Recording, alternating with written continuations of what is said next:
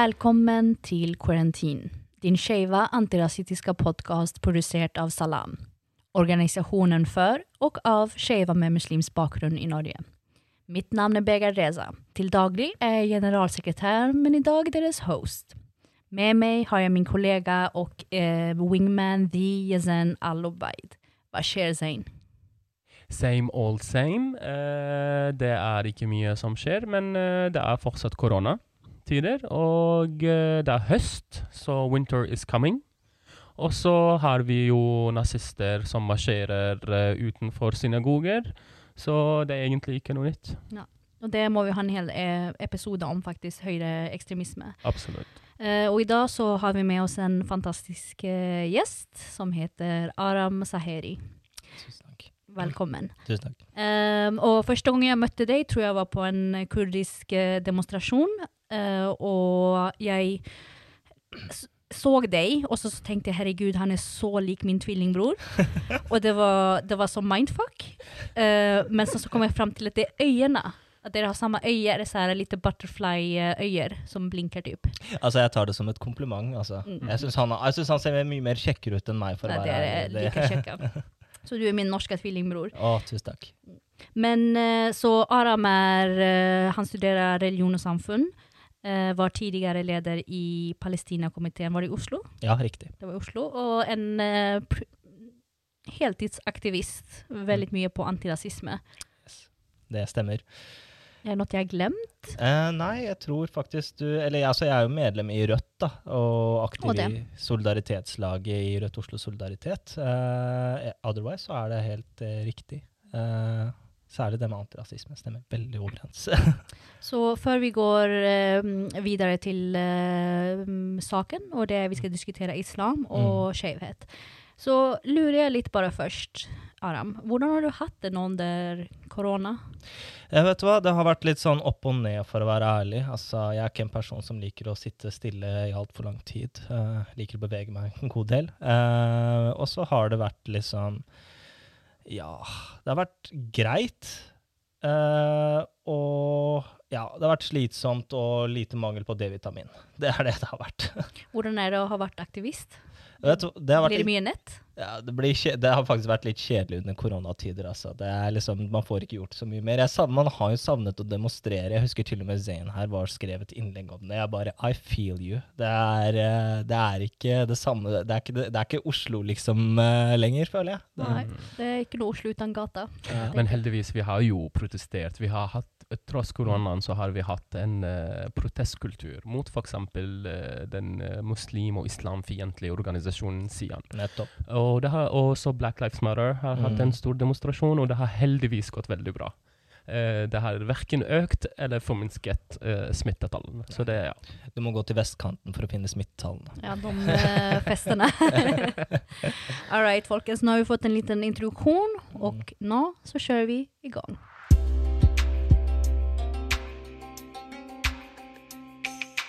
Så som sagt så skal vi diskutere islam og skjevhet i dag. Og det er et tema som eh, skaper litt debatt. Eh, fra tid til annen leser vi innlegg skrevet av muslimer og ikke-muslimer som sprer veldig mange eh, misoppfatninger om islam og eh, det Koranen sier om skjevhet. Det er mange som mener at Koranen setter en eh, straff for å være skeiv og eller praktisere skeiv sex, whatever that means.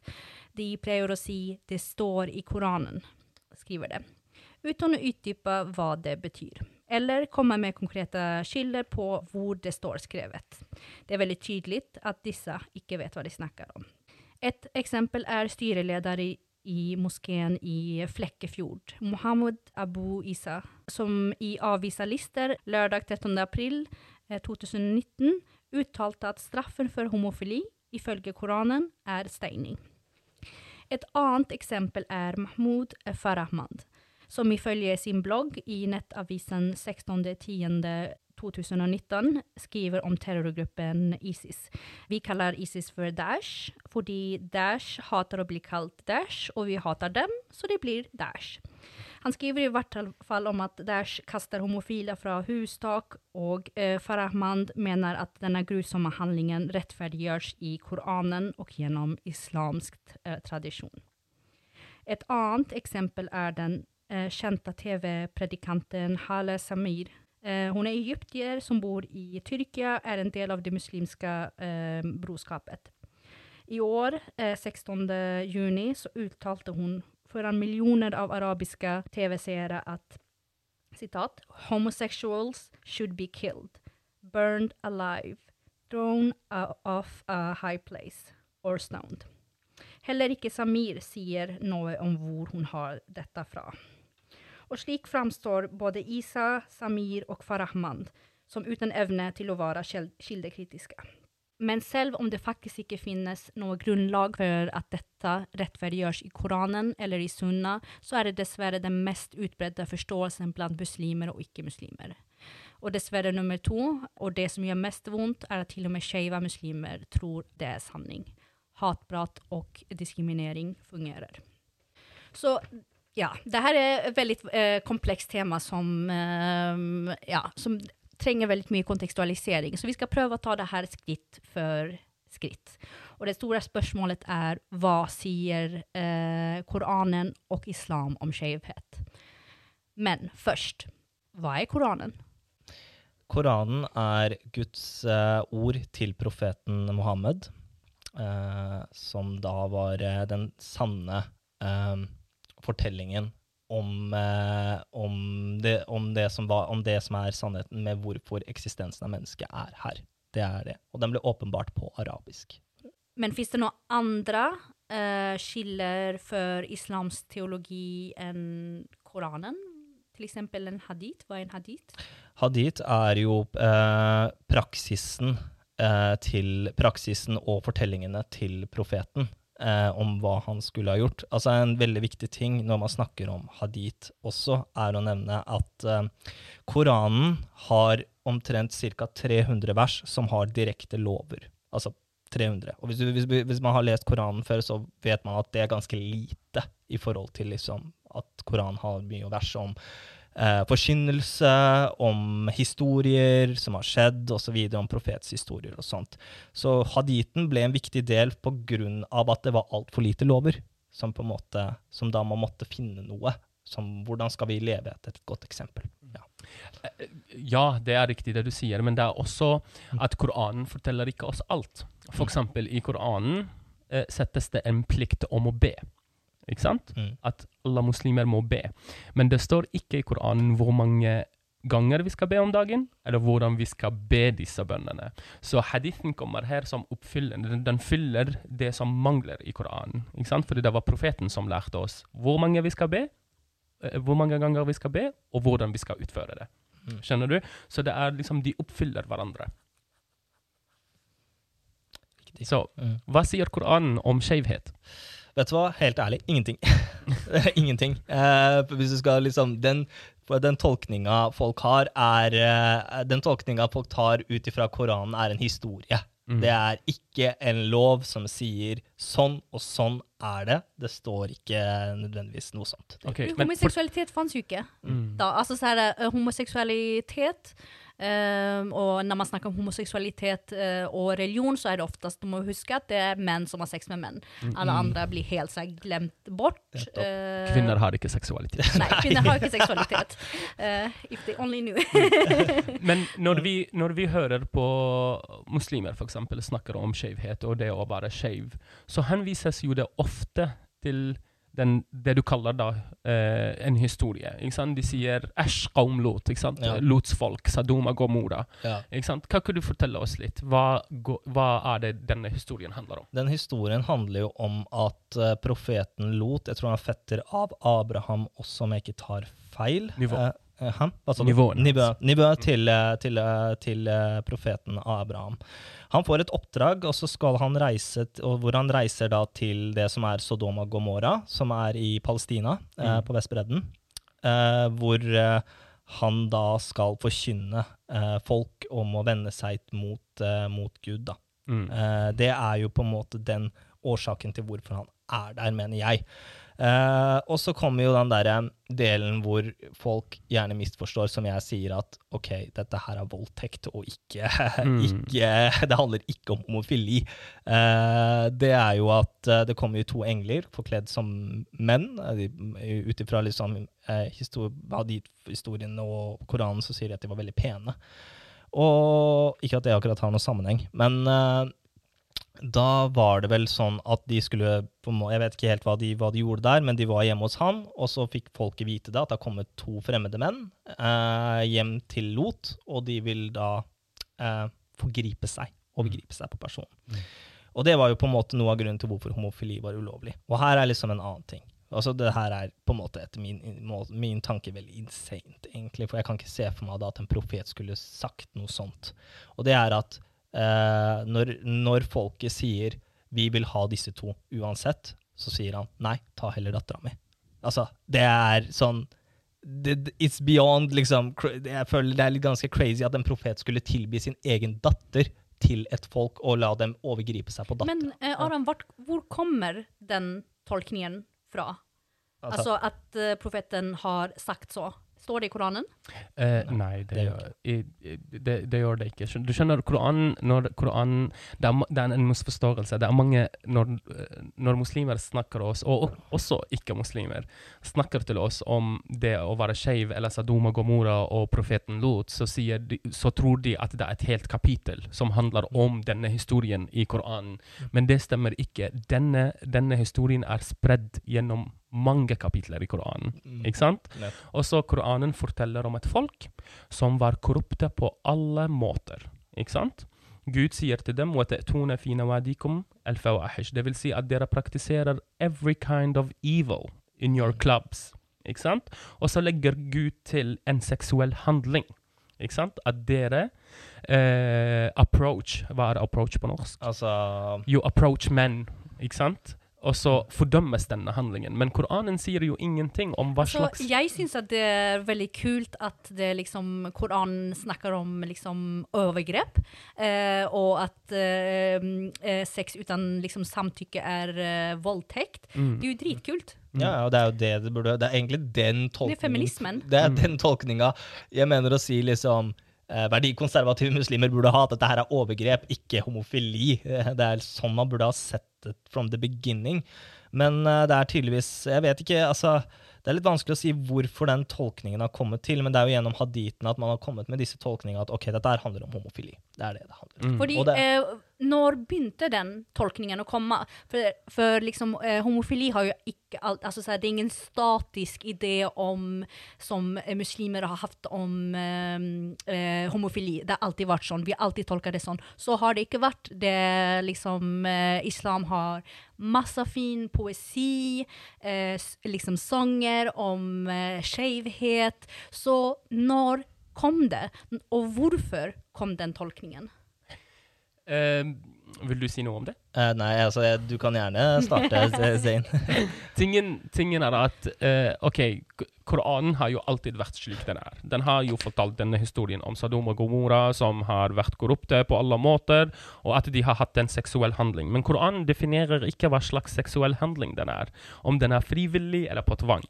Men når vi leser ikke sant, kommentarene til lærde og tafsirbøkene, altså det som forklarer Koranen, så kommer det frem at disse menneskene pleide å, å eh, ambush Hva er ambush på norsk? Angripe? angripe karavaner, ikke sant? Og så tok de mennene som slaver, ikke sant? Og så hadde de seksuell handling med dem, ikke sant? Uten, eh, liksom uten deres samtykke. Eh, også det fordømmes veldig sterkt i Koranen.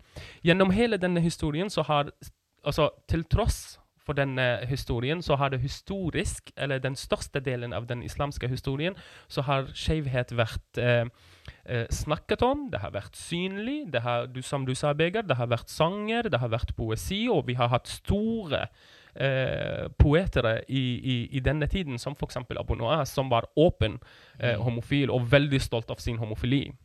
Ikke sant? Men du spør hva skjedde. Jo, eh, tingen er at f.eks.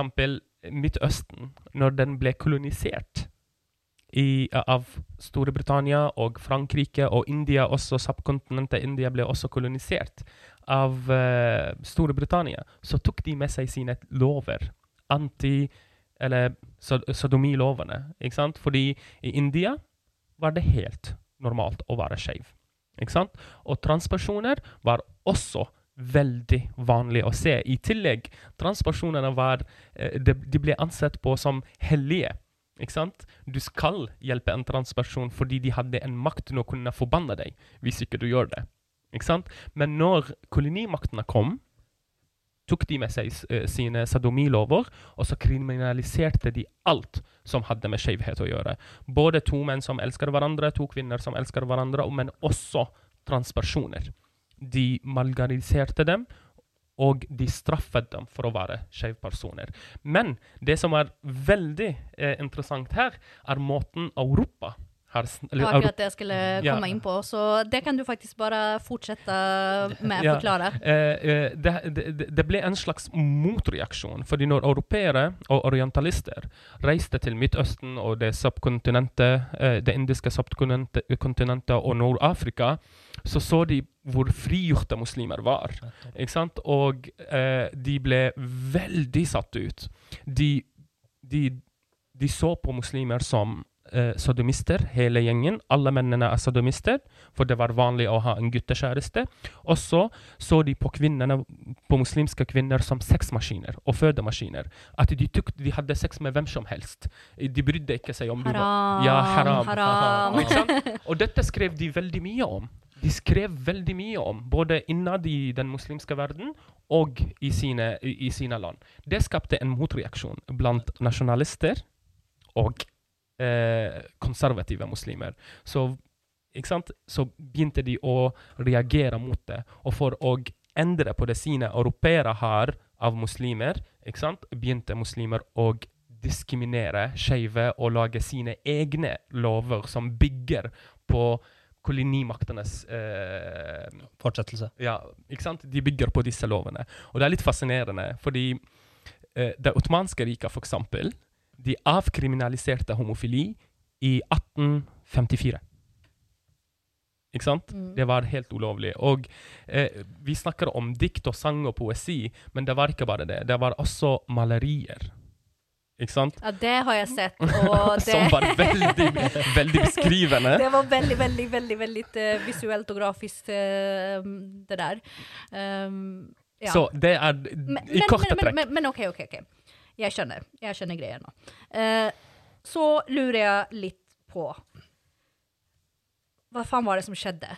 Fordi eh, vi, vi har uh, lärda i, um, i, i, Norge, imamer og de som liksom, eh, liksom påstår at de har så god peiling. Hva, altså, hva er det som gjør at de, de er så stille om den historien som vi har? Uh, er det at de helt oppriktig ikke har fått lære seg det, vilket jeg ikke helt tror på. De, altså, så du- hvis du studerer, islam, så må du ha noen form av peiling av eh, islamsk eh, historie, ikke sant? Mm. Um, men likevel så har vi så mange folk i annet Norge som ikke tør å snakke åpent om noe som er ganske åpent. Hva faen? Ja. Hva tenker du, Aram? Altså, altså Når det kommer til imamer i Norge og akkurat i, den for i forbindelse med den biten altså, For meg, først og fremst, når det gjelder imamer, så er det sånn Jeg føler ikke at det er en beskyttet tittel eh, i Norge. Jeg tror liksom hvem som helst kan bli det. Du trenger bare å starte din egen moské, så kan du lede det, lede bønn, og du kan drive med forkynnelse osv. Så, videre. så jeg føler ikke det er en beskyttet tittel. Og folk tar gjerne kunnskapen de har fra eh, sin generasjon bak, og bruker det da til å videreføre den samme, eh, samme gjentagelsen av dette problemet.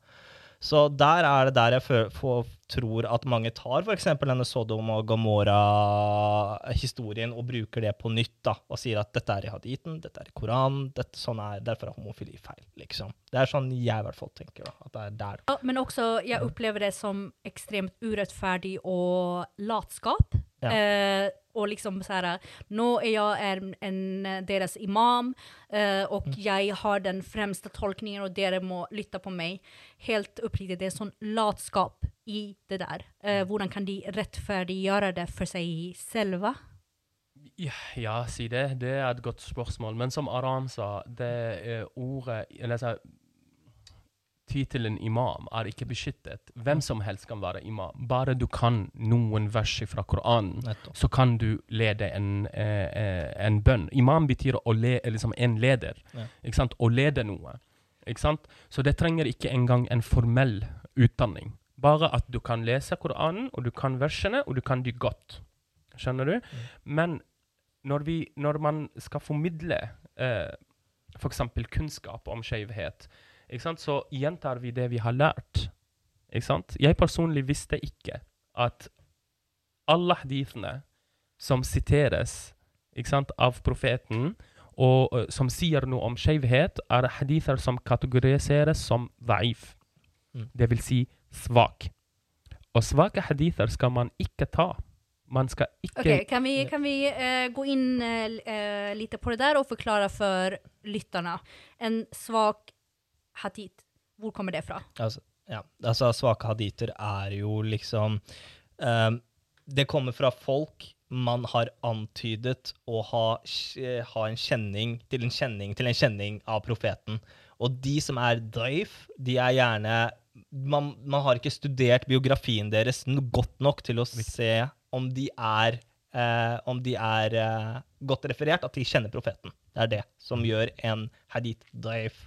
Mm. Och hvem er det som bestemmer det? Det det er en studie som heter hadith-studier, tror jeg på norsk. Ilm al-hadith heter det på arabisk, Mm. men hvis man skal oversette det til norsk, så tror jeg det er um, hadith-vitenskap, sier man. For it. Hadith-studier. Og, og det bygger på to enkle ting. Ikke sant? Den første tingen er sened. Ikke sant? Sened betyr the chains, altså skjeden av fortellere. Ikke sant? Og den andre uh, er um, metten. Og metten er selve teksten i Koranen. Ja. Ikke sant? Den første som er sened, du skal vite at de som beretter en hadith, de skal være mennesker som er kjent for å være gode muslimer uten store synder. At de har god hukommelse.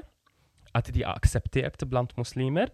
Og at ikke de er foolish. Hvordan sier man foolish på norsk? Ja. Ikke sant? Ja. Og at det ikke skal være brudd. For at en hadith skal anses som sahih, det motsatte av da'if, Mm. ikke sant? authentic, så skal ikke det være brudd i skjeden. Ikke sant? Som for eksempel eh, Zain eh, beretter via Begar, og Begar beretter via Aram, og Aram beretter via Molan. All den skjeden må være perfekte med muslimer. Ikke sant? Eh, er är en så vanskelig oppgave med tanke på hvordan mennesker fungerer. Nei, det er faktisk veldig vanskelig oppgave. Veldig vanskelig oppgave. Det er ikke bare bare. ikke sant? Så, og den andre er metten. Det er innholdet i hadithen. Ikke sant? Så sened er skjeden av berettere, og de må være perfekte. Og metten er innholdet som også ikke skal stride med Koranen, eller med en annen hadith som er også sahih. Ikke sant? Så hadithen, hadither, hadither deles i stort sett to. Yep. To deler. Hadithen sahih, en authentic sah eh, hadith, som vi vet profeten har sagt det, fordi eh, beretteres skjede er perfekte, og at innholdet i den strider ikke med Koranen. En da'if hadith er en svak hadith, som har brudd ikke sant, i skjeden, eller at den er litt sånn crazy tekst som ikke samsvarer med Koranen, eller at den går imot det Koranen sier. Og mellom de to hadithene har vi noe som heter hadithun hasan. Mm, passer bra hadith. Den har alle kriteriene til en autentisk hadith, ikke sant? Men den anses ikke som daif. Skjønner du? Vi, eh, Veldig komplisert. Veldig komplisert. Adam? Eh, Og bare jeg skal legge en ting. Eh, eh, eh, svake hadith, eller såkalte da'if hadith, de skal ikke brukes i det hele tatt. Store lærde har sagt at de ikke skal brukes i det hele tatt, fordi de har ikke en rot i virkeligheten, og de kan være veldig, veldig skadelige. De skal ikke brukes i ibadat, i såkalte bønn og uh, worship, ikke sant? Og de skal heller ikke bli brukt i, i, i rettvitenskapen, liksom, i, i, for å lage straffer. Altså, det som også er veldig viktig, er at dette her er jo noe som er gjort over, tror over 1000 år. At man har studert personer i denne isnad, uh, som på en måte er denne skjeden. Og det, og det er gjort gjennom noe som heter fiqh, som jeg regner med vi skal gå litt mer inn på. regner med. Og det er jo Lovskolene har prøvd å studere så godt de kan disse eh, daif-folkene, om, om de kan anses som autentiske eller ikke. Og mange av de som er fortsatt er daif, de er eh, det er fordi at man ikke har nok studier på det. Man kan ikke, man kan ikke si godt nok om disse er autentiske, om disse her har en heng, eh, sammenheng med med, histori med, historien om de har kjent profeten. Men uh, hva, det, hva, sier de forskjellige skolene, da? Uh, de forskjellige skolene uh, Vel, altså Det er innenfor inn, Nå spør du om Altså typ så här, alt från, eller um, ser man sekt på, eller så här, de, till exempel... Trosretning. Ja, trosretning. Kan ja, hva sier de forskjellige trosretningene i islam om det her. Fordi eh, eksempel i Iran så har vi eh, veldig problematisk situasjon, men de har eh, nest mest eh, kjønnskorrigerende eh, behandlinger i verden etter Thailand, til eksempel. Hvordan kom eh, Khomeini fram til at akkurat det der er OK, eh, så kan det liksom en måte å legitimere homofili gjennom å liksom tvangs tvangs... Transifisere liksom mm, mm. skeive folk, mm. på en måte. Mm. Altså Khomeini var vel egentlig altså, altså, For det kom vel med han? Ja. Altså det kom med, uh, Shia, Den ja. Shia-tolkningen kom vel akkurat med han? Ja. Gjorde det ikke det? Ja, det gjorde vel det. fordi det som er, altså, Sånn jeg forsto det, i hvert fall hvis vi tar Khomeini, Khomeini-biten, var jo at han allerede var en, var en, var en korantolker og Mujtahid. Ja, eh, Nå er jeg ikke så veldig god på Shia-teologi, men slik jeg forsto det, så er, så er, han da allerede en sånn Han er en uavhengig tolker. Eh, han kan si det han vil, og det blir rettferdiggjort uansett. Og sånn det, det, var det til og med før eh, revolusjonen i 79, at han da kunne komme og si dette er rettferdig. Jeg kan si at eh, at eh, overgrep Jeg kan rettferdiggjøre det. Ikke sant? Det er liksom, og når han sier det, da er det godtatt. liksom. For jeg vet ikke, han, han var allerede, han var allerede en, en, kjent lærd i Iran. Mm. tror jeg. Hva, og hans fatwa, ja. hans fatwa bygger på Du må forklare fatwa. Mm. Ja. Jeg har lest fatwaen hans, uh, mm. men det er veldig lenge siden. Og, og, og, det bygger på at ok, han sier at dette er mennesker som er født i feil kropp. Ikke sant? Og ikke gi dem, eller tilby dem, uh, en riktig behandling vil være veldig diskriminerende og, og brudd på deres eh, menneskerettigheter. Derfor må de hjelpes. Sant? Men situasjonen utviklet seg veldig dramatisk eh, i Iran, hvor eh, du kan være transperson, og du får, eh, du får eh, kjønnskorrigerende eh, behandling på statens regning, men homofili er sterkt fordømt, og du kan bli dømt til døden mm. hvis du blir tatt. Så mange skeive har tatt for å kunne leve ut sin legning hadde, hadde tatt det steget og tatt en eh, kjønnskorrigerende behandling. Men fra et sunni-perspektiv?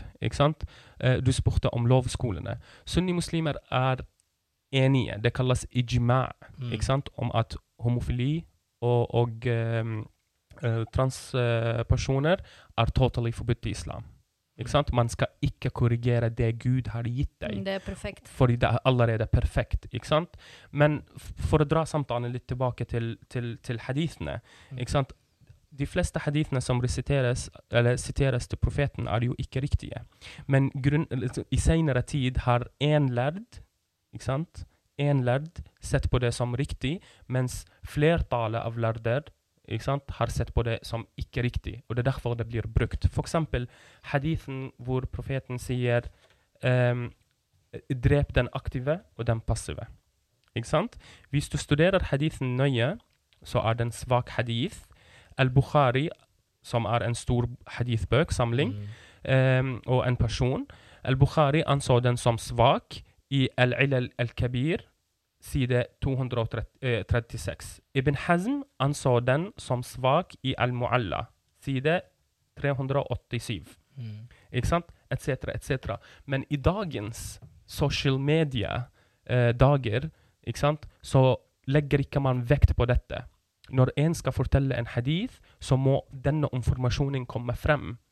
Ikke sant? Som f.eks. i tilfellet av uh, den trans- og homofobiske predikanten uh, Hale Samir, Uh, hun siterte hadithene, men hun lot være å si hvor det kommer ifra, eller hvor hun har det fra, eller hvilken sened den har.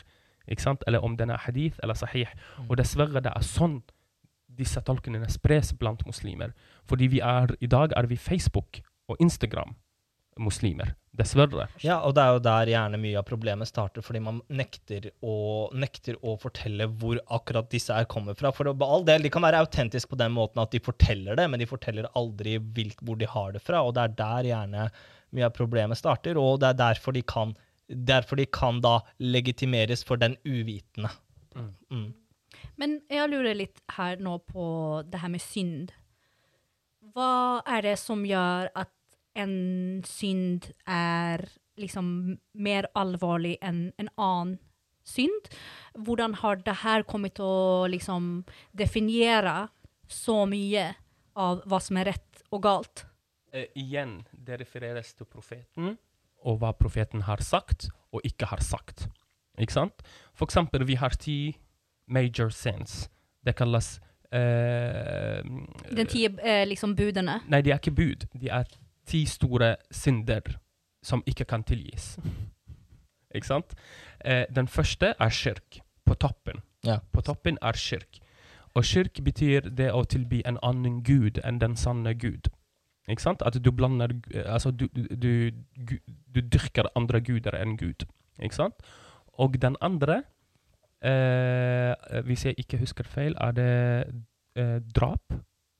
Ikke sant? Og te- tredje, å være ulydig mot sine foreldre. Og den fjerde er homofili. Eh, hvordan kom de til denne listen, vet jeg veldig Hvem laget den listen? Er Det, er det, Sikkert lærde. Det er, Lærde, ikke sant? det er mest sannsynlig lærdene som har kommet fram til at Mm. dette er sånn det skal se ut. Men det er så hva betyr lärd, vad, vad betyder det?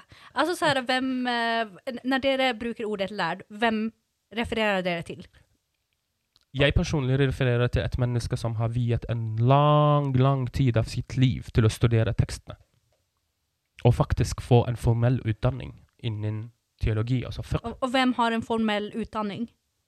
Hvor, får man den utdanningen ifra? I for eksempel, eh, du har, du, du har jo store uh, islamske institusjoner, ikke sant? I Egypt har du El Azhar, som er en sunni institusjon, men den er stor og kjent institusjon blant uh, muslimer. Du kan dra til uh, for eksempel Jazira. Jeg nekter å si Saudi-Arabia, by the way. Så hvis jeg sier Jazira, så betyr det den arabiske halvøya.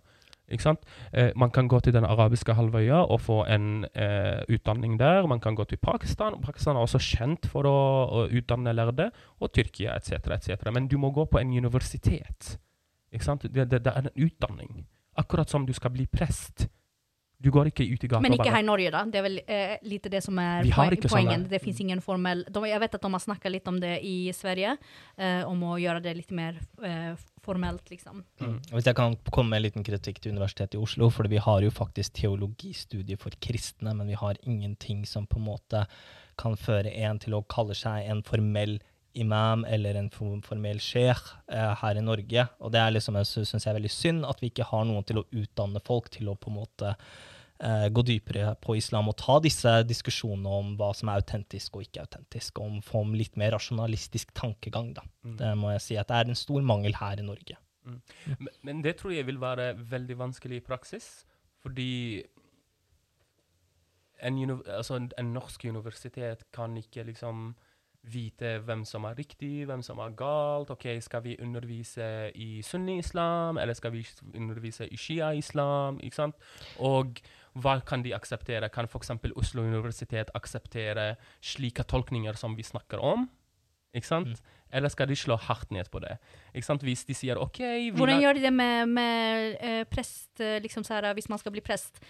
Der har de mer, mer, mer liksom rammer til å kunne bestemme ok, denne tolkningen vil vi ikke ha. Ikke sant? Er det sant? Det, tror jeg. Eller, Jeg tror ikke at det er sånn, fordi vi har eh, liksom eh, eh, Bare nyligen så har det jo vært eh, de prestene i Den norske kirke, da, mm, um, som har sagt veldig sexistiske ting. Og uten å vite kanskje så mye, så er det jo liksom De har vel tatt den uh, teologiutdanninga. Du får jo lov å være sexist og eh, homofob på lik linje som du kan være musiker eller eh, journalist eller eh, Jo, altså advokat. Hvis jeg kan si noe. Eh, fordi det som er, ja, nå har det vært, I det siste har det vært i media angående det å ha kvinnelige prester er tydeligvis et problem nå. Eh, ikke for å spore av på hva, egentlig hva vi diskuterer. Men så, har du, eh, så møter jeg prester for på mitt universitet som har et helt annet motsatt syn, som er pro-Palestina, som er, eh, som er eh, feminist og kvinne og, snakker, og snakker om at vi også skal forkynne osv. Så, videre. så det er, det er ikke en fast mal, tror jeg, på å utdanne seg som prest. Eh, Det jeg mente egentlig mm. Selvfølgelig kan, man være, eh, kan prester være homofobe og sexister, Mm. men det jeg mente, er at liksom, du får ikke undervisning, eh, undervisning i sexisme. Hvordan skal du være sexist, eller hvordan du skal tolke på en sexistisk måte eller homofobisk måte. De har en sånn generell utdanning, ikke sant? Så Mm. et, Men er ikke det mulig når det gjelder islam? Selvfølgelig må det jo det Men være. hvordan, hvordan skal uh, Oslo jo- altså- universitetet bestemme om uh, hvordan eh, bestemmer de over liksom så her, eh, protestanter og kato- katoliker som har kriga mm. mot hverandre i Europa? Sånn liksom heavy ass-krig, liksom. Det- Men her krasjer jo tydeligvis verdier, da. Ikke sant? Fordi du har jo religionsfrihet, for eksempel.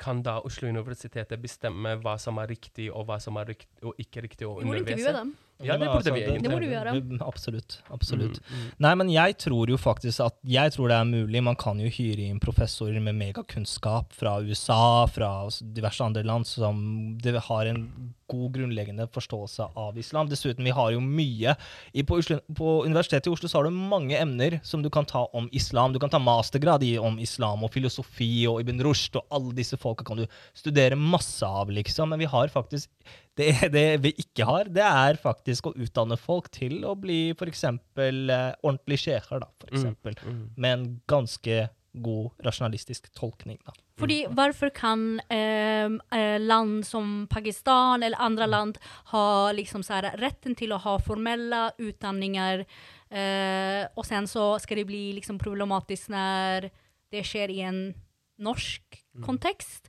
Fordi um, en um, muslim i Norge er like mye muslim og har like mye uh, rett til å starte skole, ditten og datten, som en fra eksempel bare eh, Pakistan, eksempel. Mm. Altså. Men det fins. kanskje, ikke, eh, kanskje ikke i Norge, men det fins liksom i utlandet. I Vesten, i vestlige land. Det fins store institusjoner som utdanner imamer. ikke sant? Men de er private. Skjønner du? De er ikke statlige.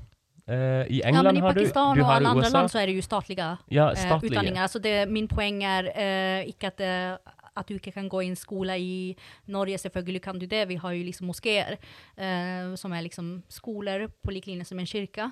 Eh, men den statlig fungerende utdanningen, den finnes i veldig, veldig, veldig mange land. Hvor mange må være muslimer i et land for at eh, det skal være f- at, For at man skal kunne gjøre det formelt nok?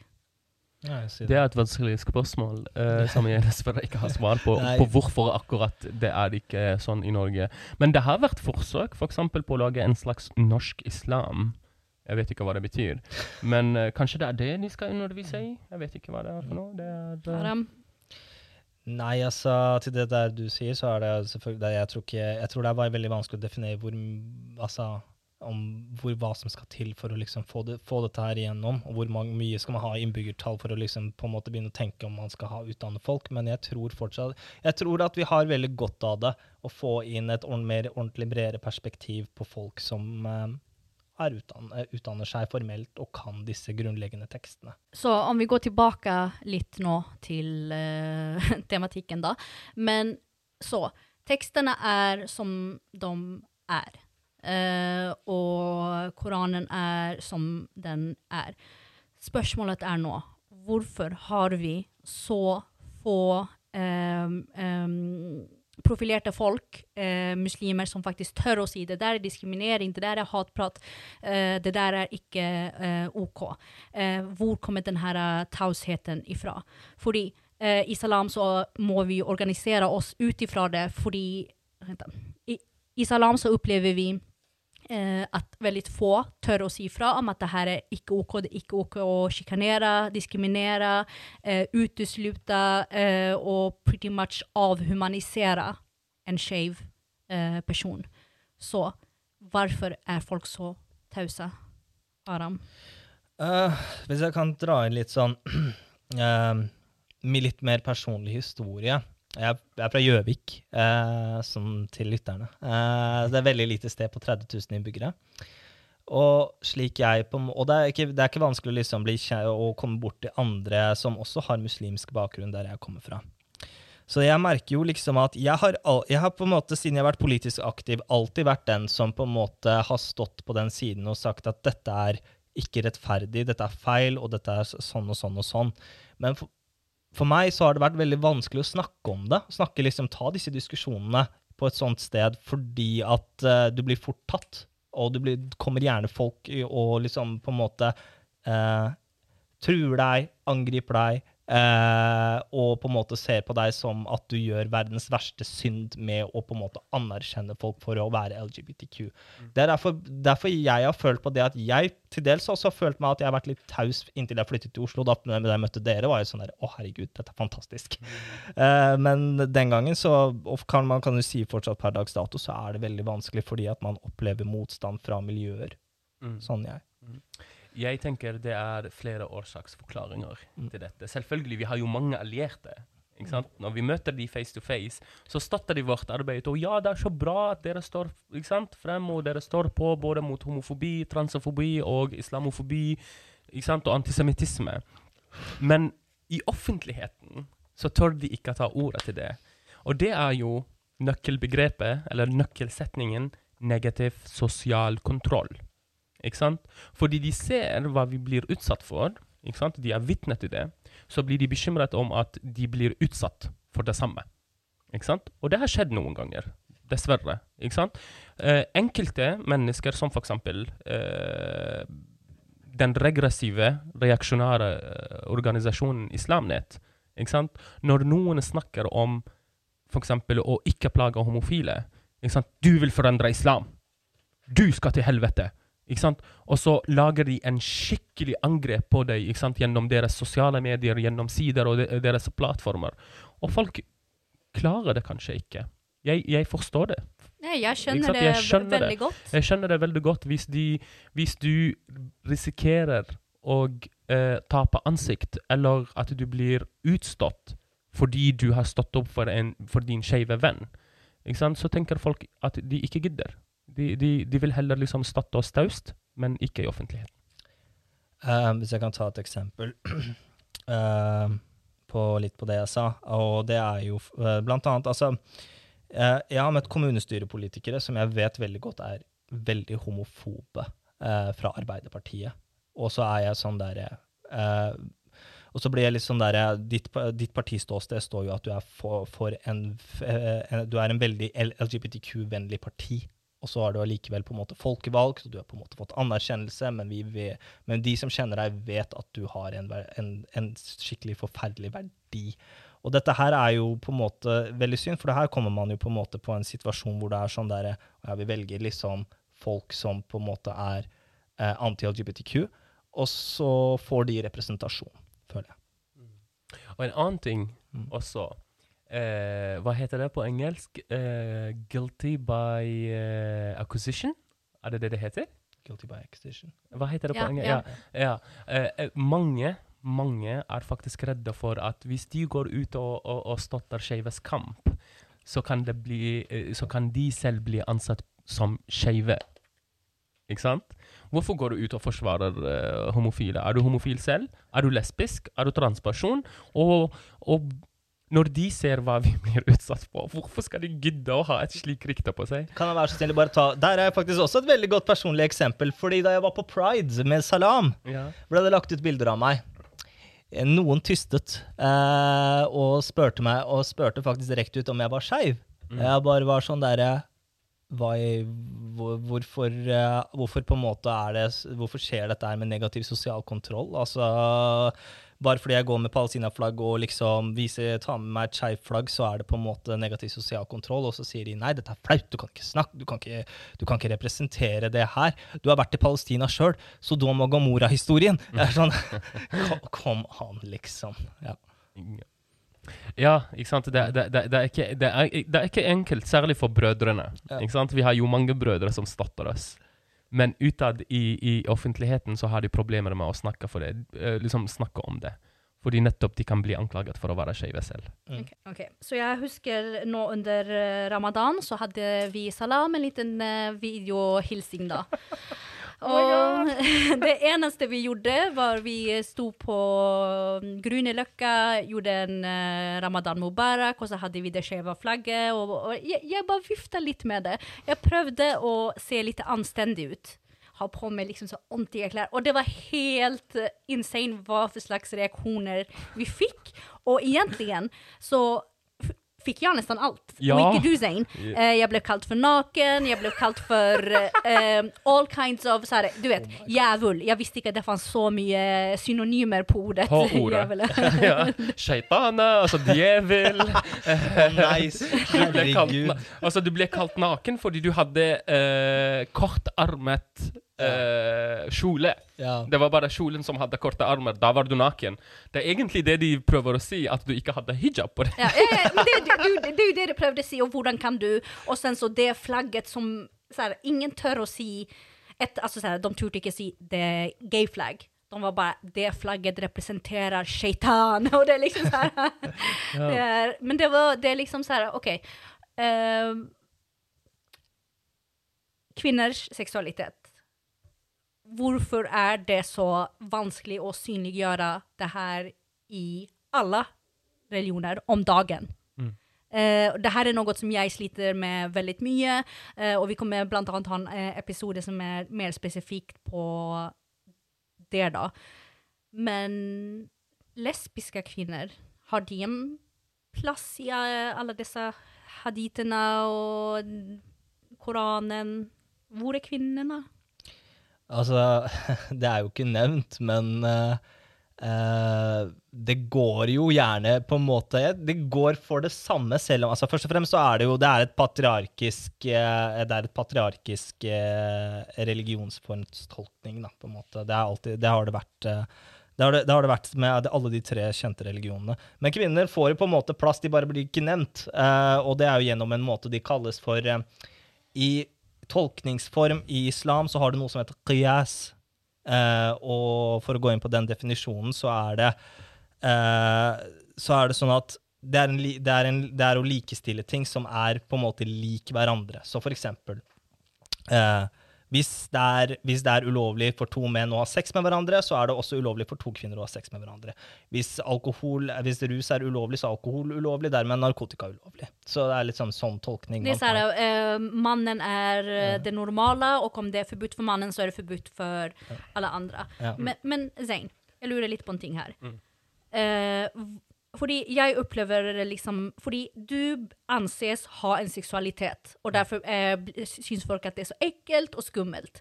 Eh, og jeg må liksom ta så mye plass for å liksom vise at jeg har en seksualitet, eh, og at jeg har en seksualitet tross at jeg ikke vil ha barn. Eh, og det liksom eh, Og dessuten tenner veldig lite på menn, da. We got a mannen- problem. Mannen er ikke så høyt opp for meg, liksom. Uh, hvorfor fikk jeg aldri dit under ramadan i år, og hvorfor fikk ikke du det? Fordi det var sjokkerende. Ikke sant? Vanligvis, ikke sant? Det, når vi ser på skeive muslimer og hvem som fronter kampene, så har det alltid vært menn. Ikke sant? Og når plutselig en kvinne stikker hodet ut og begynner å snakke om sin seksualitet, og at hun er lesbisk, og etc., etc., så det er noen muslimer, eller folk flest, eller religiøse mennesker flest, er ikke vant med. Fordi det, liksom, det handler om hvordan vi blir oppdratt. Ikke sant? Og patriarkatet, her er det et nøkkelbegrep, patriarkatet, fordi som vi sa i begynnelsen, menn har en seksualitet og begjær, de er svake, de kan ikke se på en kvinne uten de liksom hopper på henne, ikke sant? Mens kvinnene skal beskyttes og pakkes inn i? Bomull! Ja, og puttes liksom inn i vi er sukker, hvis det kommer vann på det, så smelter vi, liksom. Ja, ikke sant? Så, så du skal dyttes under sengen, ingen skal se, fordi det har også noe med ære å gjøre. Ikke sant? Så når en kvinne stikker hodet sånn, på den måten du gjorde, og begynte å snakke og, Jeg sa Eid Mubarak. Ja, jeg vet det, men det, er, jeg vet det, men det er ikke sånn det tolkes. Det tolkes som at du promoterer at kvinner skal ha sex det. med hverandre. jeg gjør Ikke det. Og husk meg, det er en helt annen That's the goal. ja, ikke sant? Ikke sant? Det handler om ære, det, har, det handler om anstendighet. Kvinner skal ikke være sånn. How dare you do this? Ikke sant? Men muslimer flest er jo vant med å se meg fronte en skeiv kamp. Men de er Ja. ikke vant med å se deg. Ja, men det er for at de ikke vil se meg. Eh, fordi det er hele tiden at jeg må eh, De tror at du er min sjef. Ja. Jeg er eh, din sjef, liksom. Ja, pisken klar, liksom. Nei, Men, også... men, men OK, om vi går tilbake til religion, eh, og liksom så her, ta med eh, liksom Abrahams sønner, altså både i- jødedommen og kristendommen. Eh, det er vel ganske likt på Mm. hvordan man egentlig ser på Islam. Kvinner? Ja, altså, ja, ja, Ganske altså, likt. det- ville jeg sagt. Til Altså, og med lothistorien er den samme, liksom. Det er altså, du må tenke Kilden vår er Gud. Ikke sant? Det abrahamske religionen. Og så er kristendommen og jødedommen og Jesus er eh, en profet for oss med, liksom. Det er kopier av hverandre. Mm. Men den samme, disse kopiene har kommet fra samme kilde. Ikke sant? Det er derfor de ser likt på ting. Ikke sant? Men for å dra litt eh, temaet tema litt til, tilbake til hadithene Det fins faktisk en hadith eh, som eh, folk refererer til når de skal si 'Å nei, det er så forbudt med lesbisme'. Ikke sant? Og hadithen sier sånn Sihaqun nisa zina beinahum. Ikke sant? Lesbisme blant kvinner er zina. For våre lyttere, zina betyr eh, å ha sex uten Mm. ja, altså eh, sex utenfor ekteskap. Ikke sant? Uh, lesbism er eh, is bet, eh, zina between women. Ikke sant? Men til og med denne hadithen er beskrevet som svak. Av ingen andre enn al-Albani. Al-Albani er den største muhaddith enn som beretter hadither ikke sant? blant uh, uh, hadithlærde. Og han sa eh, Albani omtalte denne hadithen i uh, Da'if al-Jami og sa at den er veldig svak. Han har også nevnt den i Al-Silsila al-Da'ifa og sa at den er veldig svak. Ikke sant? Men kvinner har La, la, meg, la meg bruke enkelte, enkeltes uh, retorikk eller uh, ordlegging. Kvinner har en veldig spesiell plass i religion. Ikke sant? De er akkurat som en sjokolade. Denne sjokoladen må være pakket. Hvis ikke kommer den til å, være, til å råtne. Fluer kommer til å komme på den. ikke sant? Og alle kommer til å ta på den. Derfor må vi gjemme kvinnene under Altså, sengen. eh, er islam eller ikke islam, det har Nei, vært det så hele, he- hele historien over hele Abraham. verden. Brenne eh, hekser. Mm, Eh, som altså sier at det er Og det må man anerkjenne. Uh, at det her liksom veldig mye handler om kontroll, da.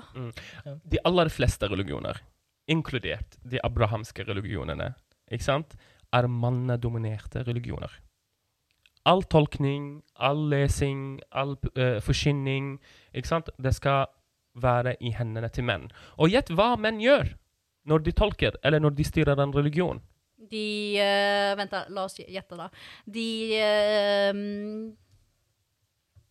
Jeg vet ikke. Vet du hva? Jeg kommer fram til det der er veldig homoerotisk. Så här, Menn som avgudar andre menn. Altså, de skjønner ikke hvor gay de gjør det her. Nei, men seriøst. Det er liksom så her at de, de, de vil ikke ha kvinner i rom. Hvorfor da? Nei, jeg vet ikke. Jeg vet, de er jo helt sjuke, ville jeg sagt. Men når mennene tar liksom, Når menn får ansvaret for en religion, ikke sant, må vi huske en ting. I oss menn Patriarkatet er innebygd inni oss nå. Ikke sant? Det er beyond. Vi pleier å snakke om internalisert homofobi, internalisert islamofobi, antisemittisme etc. Men patriarkatet er enda verre. Uh, det er embedded in our genes. Ikke sant? De, de er i våre gener som menn. Uansett hvor feminister vi blir, ikke sant? og uansett hvor mye vi henger med kvinner, så vil vi alltid ta på oss patriarkalske briller. Å ja, hva sier islam? Hva sier jødedommen? Å ja, OK, nei, kvinner er en uting. Mm. Det fortsetter vi med. Det er der. Så løsningen er, herregud, gi Koranen til en kvinne.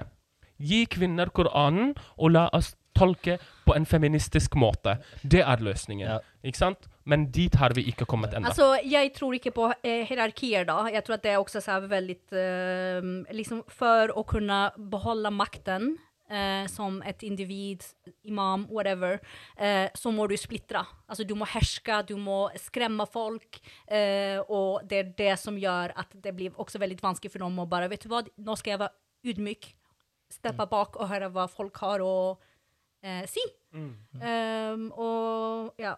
Kan jeg ta fram liksom, en liten sånn veldig interessant historie når vi snakker om kvinner? Eh, dette har ikke noe med skeivhet å gjøre, men eh, eh, kjenner dere til liksom, filosofen Ibn Rushd? Ja. Han var en eh, filosof, uh, sharia-dommer også, eh, i gamle Al-Andalus, Spania. Eh, også en veldig rasjonalistisk tenker. Han er liksom faren til renessansen ja, Han er faren til renessansen i Europa. Uh, på grunn av han fant Aristoteles og Platon. Han har, mange, han har faktisk veldig mye, skriver veldig mye interessant. Um, han sa blant annet at uh, kvinner burde bli kalifer. Mm. Og det var liksom I forhold til liksom Hanbali-teologien så var det liksom sånn wow, dette her er absolutt Kyrk. Kyrk.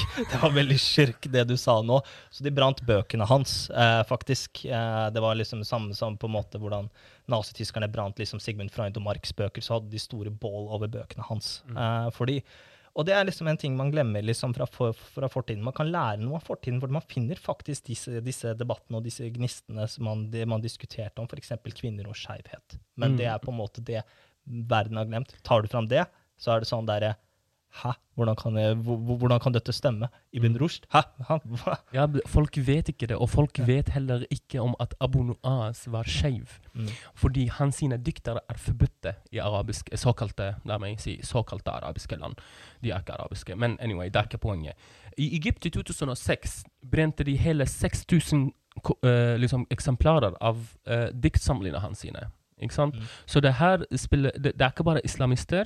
De aller fleste muslimske land lider av diktator.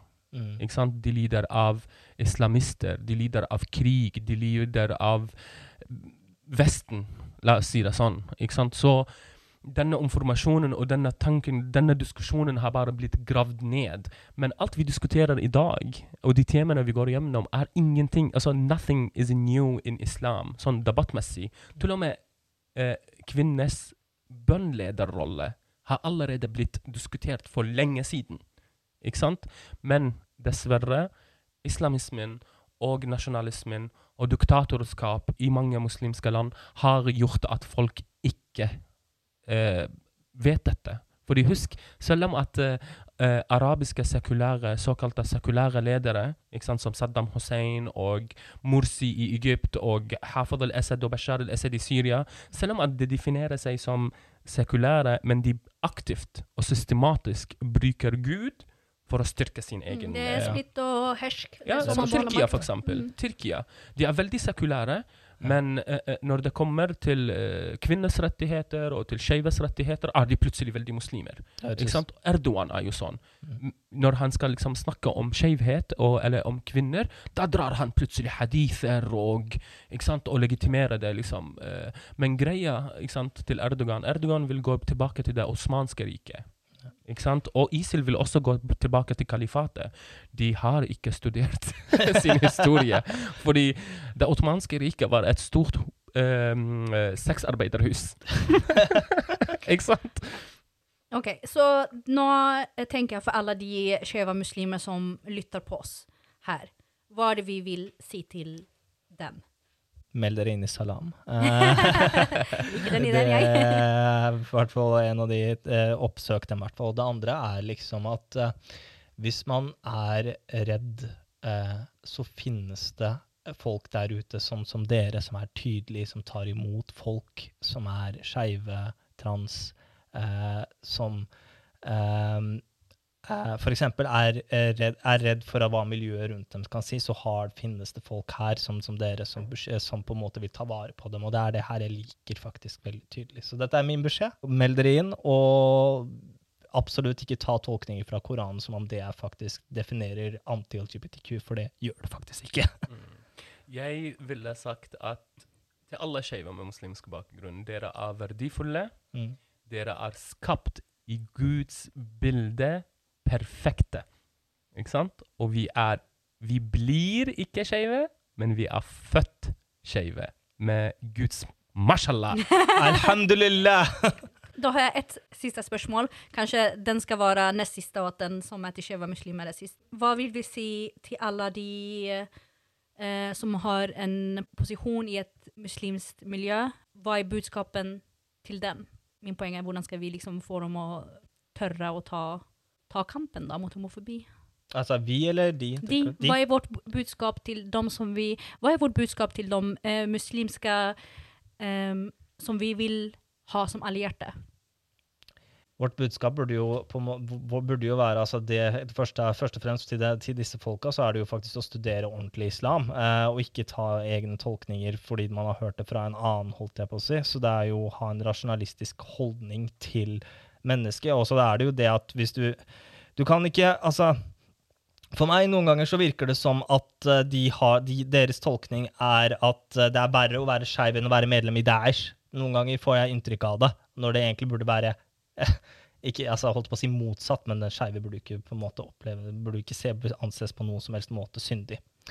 Så det første er jo f.eks. at dere, man burde studere det ordentlig og se et menneske for et menneske. Det er et, det er et rasjonalistisk holdning. Man er alle skapt i Guds bilde, og ja. Det er egentlig det jeg har å si. Til uh, alle muslimer, ikke bare de som har makt. Jeg vil si vi er ikke ute etter å halalifisere, eller så tvinge deg til å halalifisere homofili, altså å gjøre det halal, ikke sant, tillatt. Men det vi forventer av deg, ikke sant, at du står opp for oss når du ser at vi blir trakassert. Fordi vi står opp for deg. Og din rett til å faktisk mene sant, det du mener. Ikke sant? Jeg skjønner at det er vanskelig, jeg skjønner at det det kan gjøre vondt, og at man kan utstøtes, men det må gjøres. For nå har vi hatt nesten 100 år med grov diskriminering. Ikke sant? Og så vil jeg gjerne sitere Henrik Ibsen. Ikke sant? Jeg vil si til alle muslimer at du ei kan, de visst forlates, men aldri at du ikke vil. Det vil si, du kan tilgis hvis du ikke kan, men aldri hvis du ikke vil. Det var veldig fint. Uh, og jeg vil si tusen takk for at, at dere kom, tusen takk. Uh, Aram. Uh, og um, takk, Zain. Bare hyggelig. og sen så vil jeg minne også om at vi kan ikke ta alle spørsmål på en episode. Det er den her at folk ikke alltid viser oss liksom show oss mercy. Um, for at vi ikke liksom gjør allting perfekt på en, en eneste episode. Det er, en, det er, en, ting. At man må være den perfekte lærde muslimen for å få kunne få uttrykke seg. Og vi vil også kunne bare være helt vanlige mennesker som nevner liksom, mm. islam. Mm. Uh, og takk til vår produsent uh, Mulan Friis. Og uh, husk å følge oss på sosiale medier. vi finnes på Instagram og um, Facebook. Um, dere får kjempegjerne donere en krone hvis dere liker det her, så at vi kan fortsette. Og så ses vi neste gang. Takk for oss.